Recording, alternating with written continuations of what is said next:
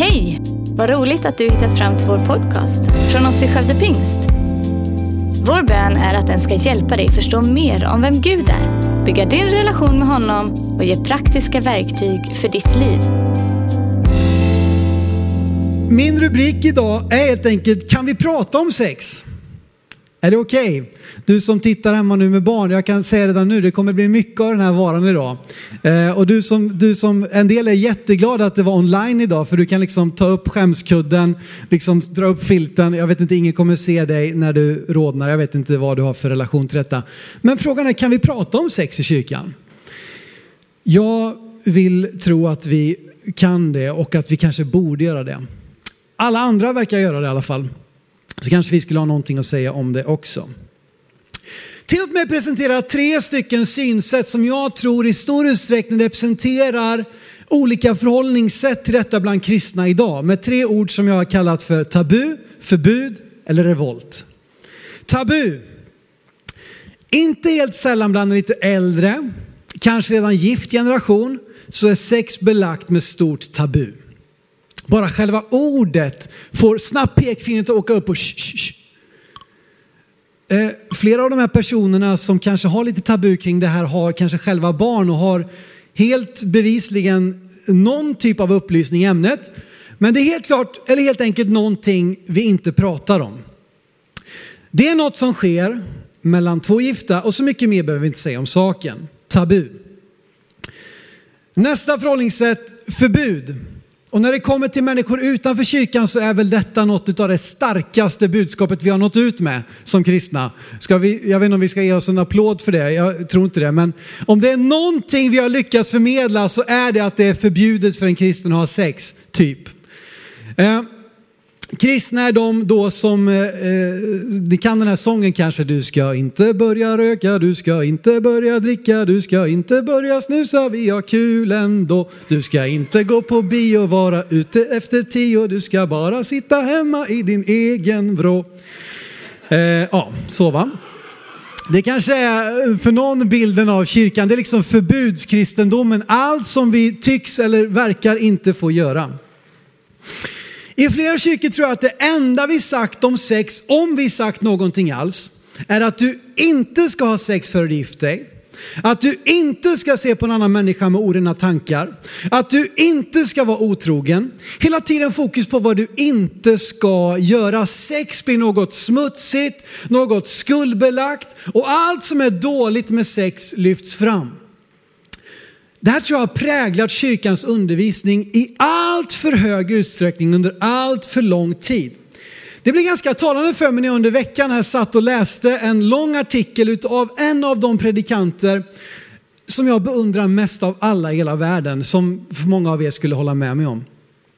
Han hade skrivit eller hållit en predikan som de nu hade publicerat på hans hemsida som var överrubriken God's view of sex, alltså Guds syn på sex. Efter en inledande mening på 12 ord som konstaterar att inte någonstans lyfter Bibeln fram sex i sig själv som någonting ont eller som synd i sig självt. Så följde 1810 ord om allt som är dåligt med sex. Om de negativa konsekvenserna, om sexuell omoral, om felaktigt utlevd sexualitet Predikan hölls av Billy Graham. Jag har den största respekt för Billy Graham. Men jag tror att vi någonstans har missat i vår undervisning där vi endast har skuldbelagt och pekat med inte finger när det kommer till sex. Ni som är föräldrar kan fundera över effekten av att endast säga till era barn, du får inte ta några kakor ur kakburken. Du får inte trycka på den här knappen, den röda knappen där det står stopp. Nej, gör det inte vad kommer hända? Det kommer snarare bli så att vi ännu hellre vill göra det där. Och det leder mig in på det sista ordet, revolt. För en generation som inte längre växer upp och är präglad av ett allmänt skuldmedvetande för några söndagar sedan pratade jag om just det. Att under nästan 2000 år har vi haft ett samhälle där kyrkan har varit rådande och där det allmänhet har funnits liksom en känsla av skuld. Att någonting är rätt, någonting är fel, vi har alla gjort fel och alltså behöver vi en frälsare.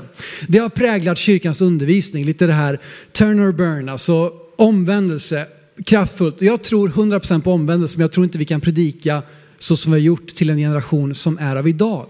Som tvärtom har lärt sig att mer än något annat söka friheten att göra vad de själva vill. Och också betoningen på att vara trogen sin egen identitet. Att det är det viktigaste av allt, är att vara sann mot din egen identitet. Och då har inte detta varken tabu eller förbud varit särskilt framgångsrikt. Och det har istället lett till antingen en, en tyst eller en högljudd revolt mot tidigare generationers värderingar och kyrkans ofta svartvita beskrivning. Varför ska jag vänta med sex? Varför ska inte jag få allt som alla andra får? Varför ska det vara så tråkigt att vara kristen? Varför ska det bara handla om allt man inte får göra? Och ganska många föräldrar till tonåringar idag eller unga vuxna levde själv upp med en så stark förbudskultur i allmänhet, men med sex i synnerhet, att man, man säger inte ett ord till sina barn idag för man vill inte riskera att låta dem känna samma skam och skuld som man själv kände när man växte upp och istället säger man ingenting. Jag tror inte att något utav detta är bra. Varken tabu, förbud eller revolt, utan jag tror att vi behöver förnya, förändra, förbättra vår syn och vår teologi kring sex. För jag vill idag beskriva det, en biblisk syn på detta som jag tror kan hjälpa dig fram till bästa tänkbara sexliv. Därför att jag tror inte vi kan ha en kommunikation som handlar om allt det dåliga, allt det negativa, allt det destruktiva med sex. Det finns och Bibeln talar mycket om det också. Utan vi måste lyfta fram det goda. Vi ska börja med ifrån början. Jag har märkt det de här söndagarna. Vi börjar ifrån början och vi ska göra så också idag. Första Mosebok kapitel 1. Och har du en bibel så är det första sidan, så det ska inte vara så svårt att slå upp ändå. Ehm, till skillnad från alla de här småprofeterna. Jag har ännu inte lärt mig ordningen på småprofeterna. Så om någon har ett klurigt sån här minnesrebus så skicka gärna det till mig. Så jag kan lära mig det. Jag har ett sånt för att memorera eh, ordningen på eh, Jakobs tolv söner. Så det kan ni få av mig. Så kan jag få hur man kan memorera småprofeternas ordning. Men tillbaka till första Mosebok 1 eh, och vers 27. Gud sa, låt oss göra människor till vår avbild lika oss. De ska råda över havets fiskar och himlens fåglar, över boskapsdjuren, hela jorden och alla kräldor som rör sig på jorden. Och Gud skapade till, eh, ja nu, nu börjar jag för tidigt där, men vi fortsätter. Och Gud skapade människan till sin avbild. Till Guds avbild skapade han henne, till man och kvinna skapade han dem. Vers 28. Gud välsignade dem och sa till dem, var fruktsamma och föröka er. Uppfyll jorden och lägg den under er. Råd över havets fiskar, himlens fåglar, alla djur som röst på jorden. Sex är Guds idé. Får man säga så? Ja, jag får säga så, för det stämmer nämligen. Det är Guds idé. När Gud skapar människan som kronan på verket i skapelsen vad är det första han säger till dem? Vad är det första Gud säger till människan? Han säger ha sex. Ha mycket sex. Ja men det stod ju ingenstans Simon. Jo men om du har lite fantasi, vad säger han? Det första han säger, var fruktsamma, föröka er, uppfyll jorden. Det är det första Gud säger till oss. Det är vårt första uppdrag. Eh, när Gud skapar människan så väljer han att inte göra liksom fortplantningsdelen till någonting tekniskt, till någonting liksom statiskt. Han gör det som en del av den starkaste intimitetsrelation mellan både man och kvinna där båda parter behövs. Och jag tror att Gud har gett oss den här gåvan för att i en stark kärleksrelation, det är platsen för ett barn att födas in i mellan två eh, föräldrar föräldrar som har lovat varandra trohet. Det är Guds tanke och därför ger han oss sexet som någonting sammanhållande, någonting som stärker relationen och det blir platsen för familjen att växa. Ehm, du vet att han introducerar det här redan före syndafallet. Jag ska komma lite till det och, eh, kort här, men det här är liksom en del av eden. Det här är en del av ursprungstanken. Det är inte en del av synden som vi allt för ofta har förmedlat i kyrkan. När Gud skapat människan, eller mannen först då, han skapar ju mannen först själv. Vi ska komma in på det nästa vecka. Eh, men då är det det enda i skapelsen som inte är gott. Mannen, där fick ni någonting alla kvinnor. Det enda i skapelsen som inte var gott, det var mannen. Nej, det var hans ensamhet. Det var hans ensamhet. Det var inte bra. Han behövde en jämlike, någon att dela livet med. Gud skapar kvinnan och där i så finns det här. Gud skapar oss för gemenskapen. Han skapar oss för gemenskap. Utifrån logiken då som jag har försökt att lägga fram här, särskilt i första delen, att vända sig till skaparen, tillverkaren för att förstå syftet, tanken med någonting, så tror jag att vi behöver vända oss till Guds ord för att förstå syftet, tanken med sex. En biblisk syn på sex innehåller tre delar. Nummer ett, föreningen av två människor. Nummer två, reproduktion eller fortplantning eller nytt liv. Nummer tre, njutning. Förening av två människor, fortplantning, njutning. Vad kyrkan historiskt gjort ett stort misstag kring är att vi endast lyft fram de två första delarna och nästan inte vågat prata om njutningsaspekten utav sex. Utan tvärtom så har det nästan synts som ett nödvändigt ont som endast ska leda till barn och inte ska tillåtas ge utrymme till syndens och köttets lustfyllda begär ens inom äktenskapet. Och du säger, men så är det väl inte? Jo, så har det väldigt stor utsträckning varit ända sedan de tidiga kyrkofäderna. Trots att det inte alls känns igen i Bibelns beskrivning, trots att den hebreiska kulturen har en mycket mer sexbejakande syn, så kommer det in redan bland tidiga eh, tidiga vad heter det, eh, kyrkofäder en väldigt negativ syn på sex. Att det ses som en del av vår fallna natur och därför ska det kontrolleras och hållas tillbaka. Jag tror att denna njutningsförnekande teologi har varit en starkt bidragande faktor till att det som vi ser på 60-talet slå igenom med full kraft, nämligen den sexuella revolutionen, som, som eh, föregås av flera hundra år utav, utav frigörande tankar. Och framförallt så ser man ju kyrkan som den stora boven i dramat som har hållit oss nedtryckta, instängda under normer, under liksom eh, den här synen, negativa synen. Man vill bara slå sig fri. Och det gör man med full kraft 1968, sexuella revolutionen. Eh, inte så mycket mer att säga om det idag. Men det som sker då, det som har präglat oss sista 50 åren, det har fullständigt fått dominera vårt samhälles syn på sex idag. På tal om vem som har format vår bild på sex, så är det i väldigt hög utsträckning de idéer som slog igenom på det här för, för drygt 50 år sedan. Föreningen av två människor som då förordar att, att platsen för sex är långvariga trohetsrelationer, det slås undan. Eh, Eh, och det nedmonteras i och med introduktionen av fri kärlek, läs fritt sex. Visst kan du ha sex med den du älskar, men lika gärna med någon du inte älskar. Eller i stunden kanske du attraheras av den. Varför inte rent av dina kompisar? Ni kan säkert få ett, ett, ett utbyte. Och sex nedmonteras till en rent fysisk transaktion snarare utan någon djupare innebörd. Det handlar inte om att två människor svetsas samman genom sexet utan det är bara någonting som har med stundens hetta att göra. Hotet Hotet inom, inom situationstecken om oönskad graviditet det har undanröjts genom tillgång till fria preventivmedel och fri abort. Som i stor utsträckning handlar just om det, att kunna hänge sig åt detta. Vi, vi ska inte, det, finns, det, finns både, det finns flera sidor av detta, men vi måste förstå var det kommer ifrån. En del i det var att äntligen fullt ut kunna hänge oss åt kroppens brinnande lustar utan att vara kvävda utav några normer och liksom, eh, eh saker som, som nästan blir som en tvångströja runt vår sexualitet. Man måste fråga sig då, har vi då äntligen blivit fria från århundraden av kvävande moralism och äntligen uppnått sann uppfyllelse av oss själva? Ja, vad säger ni? Jag tror inte att det är så enkelt. Den världsomspännande metoo-rörelsen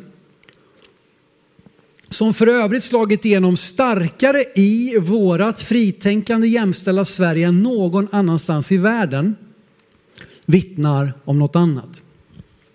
Den skenande porrkonsumtionen som förgiftar en hel generation, ung som gammal, vittnar om något annat. Återkommande rapporter om ökande psykisk ohälsa, om sexuella övergrepp vittnar om något annat. Det vi måste förstå är att sex är en eld. För att förstå det här, hur ska vi få ihop allt det här negativa som Billy Graham så uttryckligt och med, med god teologi liksom lyfter fram de dåliga negativa sidorna kring sex med en positiv syn på det Gud gav som en gåva mellan man och kvinna. Hur ska vi få ihop de här två bilderna? Jag tror att elden är en bra bild för att förstå det. Låt mig läsa för dig ur Höga Visan. Underbart. Har ni, har ni, ja. Min syster, jag tror de hade på tonårsläger, de hade högläsning ur Höga Visan i deras förtält. Det var sån här liksom, det var så, det var så, eh, så modigt det blev på den tiden, men i alla fall. Så här står det för Höga Visan 8, vers 6 till 7. Sätt mig som ett sigill på ditt hjärta, som ett sigill på din arm. För kärleken är stark som döden, dess lidelse obeveklig som dödsriket. Dess glöd är eldens glöd, den Herrens låga. Väldiga vatten kan inte släcka kärleken, strömmar kan inte dränka den. Elden, sex är som en eld. En enorm kraft. Du vet, eld har både gett upphov till flera av våra mest viktiga och, och liksom framgångsrika uppfinningar. Vi kan tillaga vår mat, vi kan värma våra hem tack vare elden. På samma gång ligger eld bakom många av våra värsta tragedier i våra egna personliga liv och ute i vår värld. Vi har alla sett instruktionsfilmerna som Räddningsverket visar vad som händer om en enda cigarett landar i soffan, hur det kan övertända ett helt hus inom loppet av minuter. Varje år följer vi nyhetsrapporteringar från stora bränder som härjar. Om det inte så är i Kalifornien eller i Australien så i Västmanland, i Sverige, överallt. Eld är en, en förtärande kraft. På samma sätt ligger sex bakom många av våra största tragedier sexuellt våld som krigsmetod, övergrepp på barn och unga, personer i maktposition som tvingar sig till sexuella tjänster, våldtäktsoffer som lämnas märkta för livet. Men det är inte bara utan samtycke som sex är, eh, kan skada. Även där det sker i sig självt genom samtycke och njutning kan efterföljande dumpning väckande på, efterföljande skitsnack bland kompisarna kan lämna djupa själsliga sår. I vår tid fokuserar vi väldigt mycket på hur vi kan undvika sexuellt överförbara sjukdomar och det är hela tiden preventivmedel som lyfts fram som, som metod. Det är liksom de här olika sakerna. Men jag tror vi ska också skulle behöva prata mycket mer om att skydda oss från sexuellt överförbara själsliga sår. För övrigt finns det ett oslagbart skydd mot sexuella sjukdomar. Att bara ha sex med en person. En annan femma. Bibeln ryggar inte för att tala om båda sidor. Även om det allt för ofta framställs som att Bibeln och kristna har en alldeles särskilt tillknäppt stel och teknisk syn på sex. Men återigen, Höga Visan utmanar en sådan syn och det gör det så, så det står härliga till. Alltså. Även om det har funnits försök genom alla tider att endast tolka Höga Visan symboliskt, att endast lyfta fram det som Guds kärlek till sitt folk, så går det inte att läsa denna text om man har liksom en liten, liten gnutta fantasi så förstår man att det här beskriver en passionerad, het kärleksrelation mellan brudgummen och hans brud.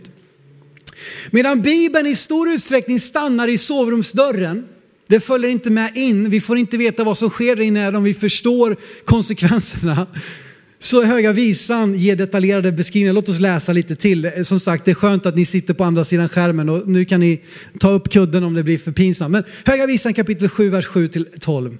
Din hållning är som palmens, dina bröst som druvklasar. Jag tänker, jag vill upp i den palmen. Jag vill gripa dess frukt. Låt dina bröst vara som druvklasar, din andedräkt som äppeldoft och din mun som ljuvaste vin.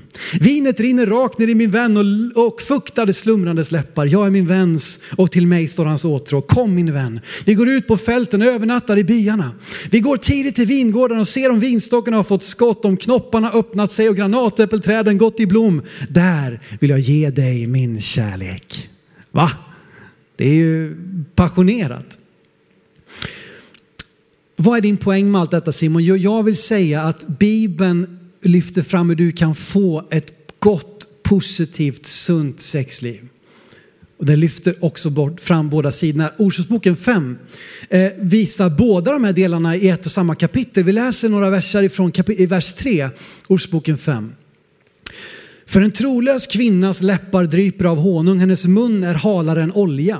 Men till sist blir hon som bitter som malört, vass som ett tvegat svärd. Hennes fötter styr ner mot döden, till dödsriket drar hennes steg. Här så försöker den måla hur farligt det är att tillåta sig själv att frestas in i otrohet, in i en plats där sexet inte egentligen hör hemma. Bara för att några verser senare visa var passionen har sin plats i ett äktenskap mellan man och kvinna. I Ordsboken 5 och 15 till 19 står det så här, i samma kapitel då, som precis har lyft fram hur farligt det är att låta sig lockas och frestas in i otrohet, så lyfter här fram hur, hur det kan ske i en helt annan plats. Drick vatten ur din egen brunn, det som rinner ur din egen källa. Ska dina källor rinna ut på gatan, dina vattenbäckar på torgen? Nej, de ska tillhöra dig, bara dig och inga främlingar jämte dig. Må din källa vara välsignad och gläd dig över din ungdoms hustru. Den älskliga hinden, den sköna gasellen. Låt hennes bröst alltid tillfredsställa dig, hennes kärlek ständigt berusa dig. Samma kapitel. Vad är egentligen skillnaden mellan de första verserna och de andra, eh, och de andra verserna? Där det sex lyfts fram med helt olika bildspråk i samma kapitel. När blir elden skadlig? Och när blir den närande? Vad är skillnaden på en skadlig eld och en bra eld? Avgränsningen. Finns det en begränsning eller inte? Det är hela skillnaden mellan om en eld blir någonting som förstör eller om en eld blir någonting som bygger upp. När du ska göra upp en eld i skogen, om det är torrt ute, du gör bäst i att samla stenar, bygga en eldstad, hämta vatten, hälla runt omkring i den torra marken. Där kan elden få bli till en värmande och närande källa.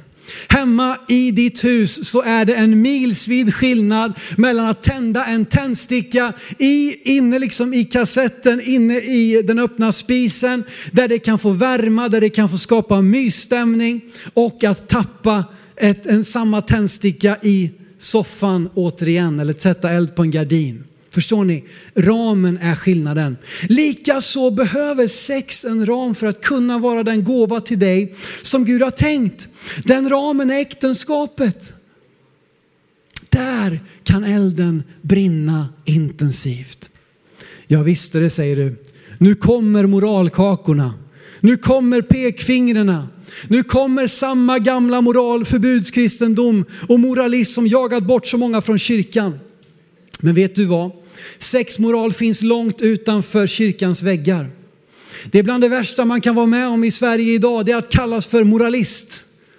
Men vad är moral egentligen? Det är att skilja mellan vad som är gott och ont, vad som är rätt och fel. Jag tror inte vi ska vara så rädda för att tala om moral och etik. Och för den, skull, för den saken så finns sexmoral långt utanför kyrkans väggar. Låt mig visa för dig. Även om Sverige var först med att producera pornografiska filmer på 50 och 60-talet så är de flesta idag överens om att det är någonting destruktivt. Även om vi väntar på att porrmissbruk ska nämnas vid sitt rätta namn, nämligen ett drogberoende.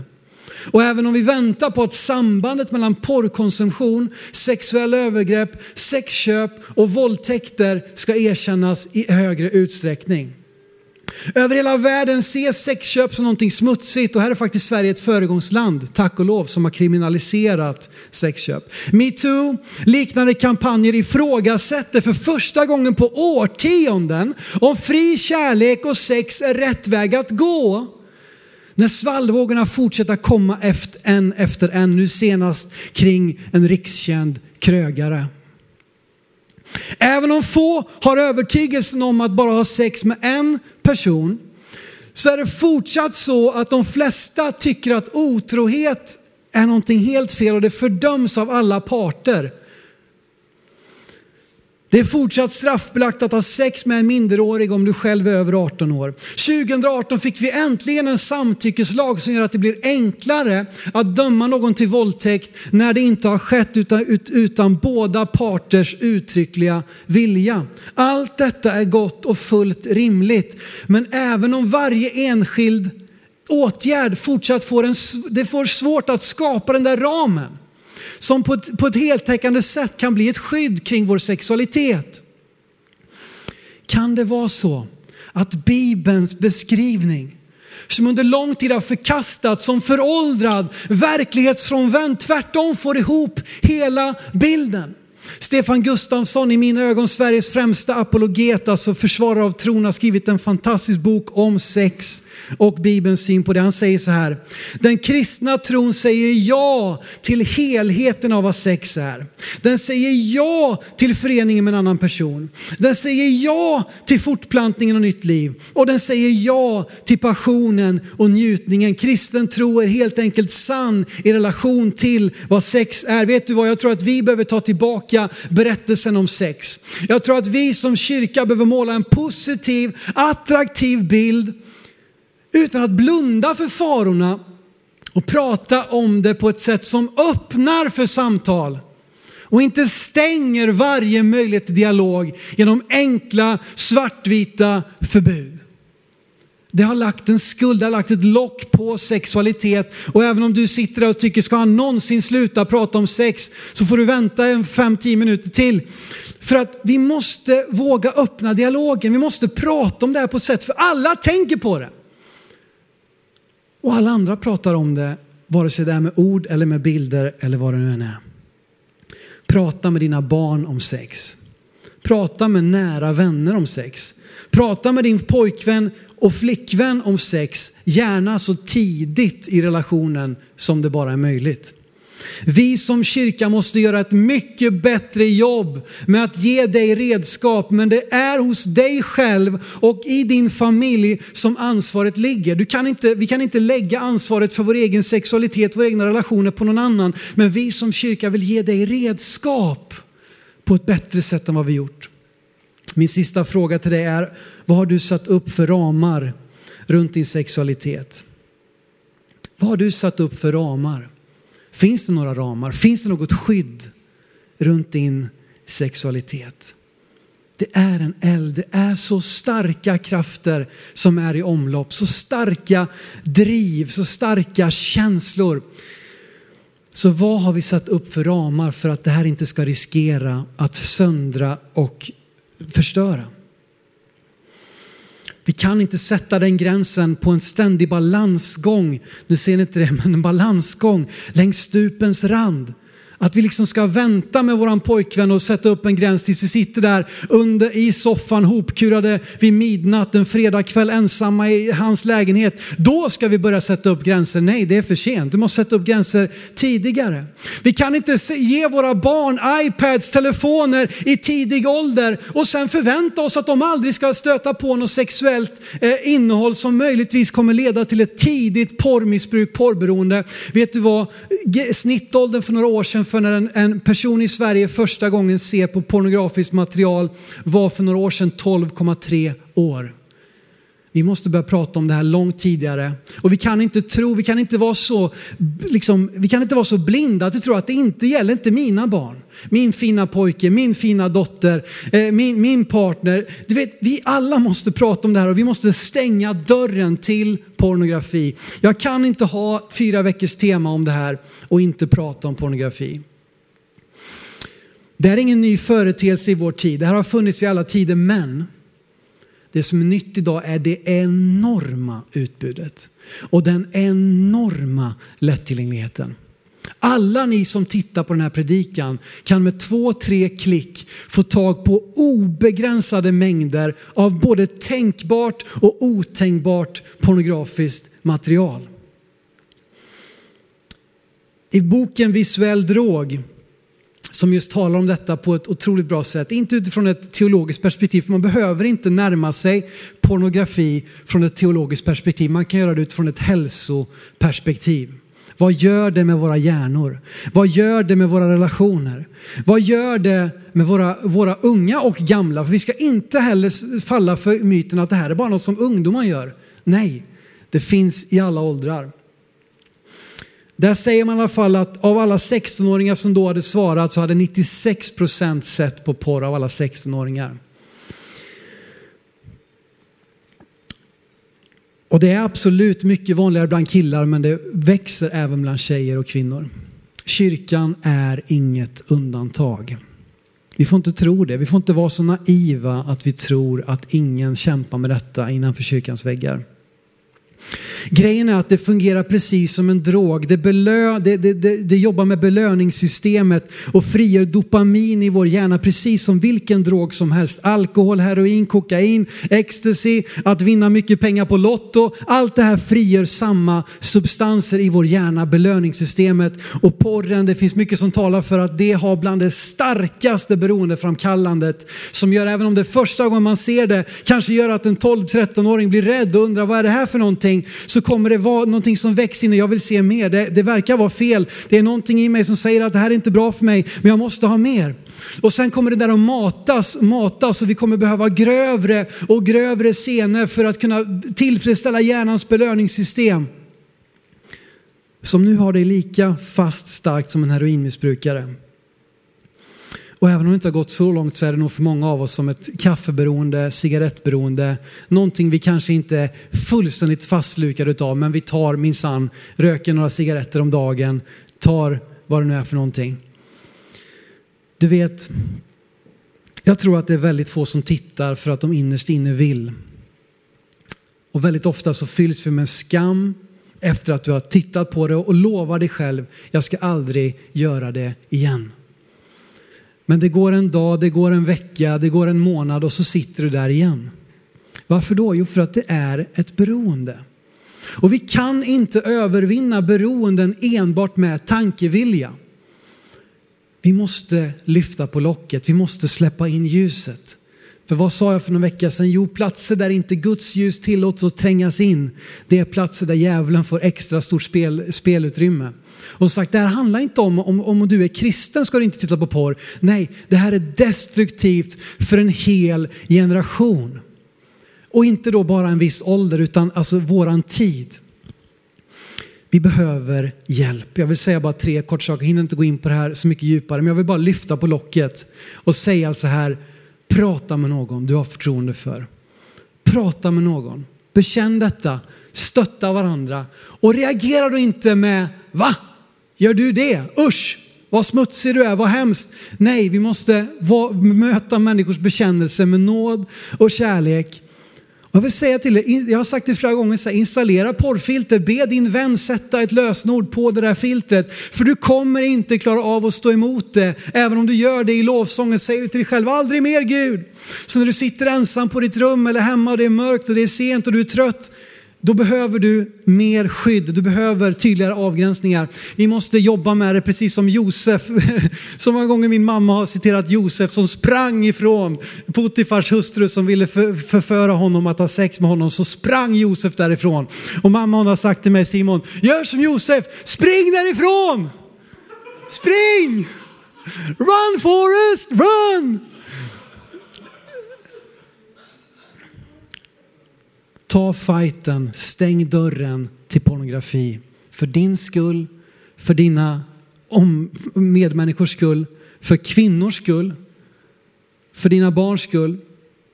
Ställ dig själv frågan om fem år, säg att du om fem år eller redan nu har barn, om du kanske är gift, tittar den personen på porr. Jag tror inte någon av oss vill säga ja på den frågan. Trots det så kommer en hel del göra det. Om vi inte stänger dörren och springer ifrån det. Johannes 8 och vers 7. En kvinna, som så ofta är det kvinnor som ska lyftas fram som dåliga exempel. Här har en kvinna blivit tagen på bar gärning i äktenskapsbrott. Man måste ställa den kritiska frågan, var är den andra personen i detta brott?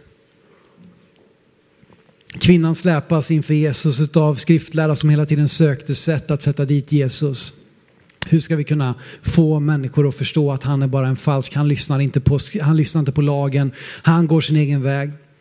De ställer fram kvinnan inför honom och säger den här kvinnan togs på bar gärning med äktenskapsbrott. Enligt Mose lag ska hon stenas till döds. Vad säger du? Vad säger du Jesus? Från vers 7 så får vi hans svar.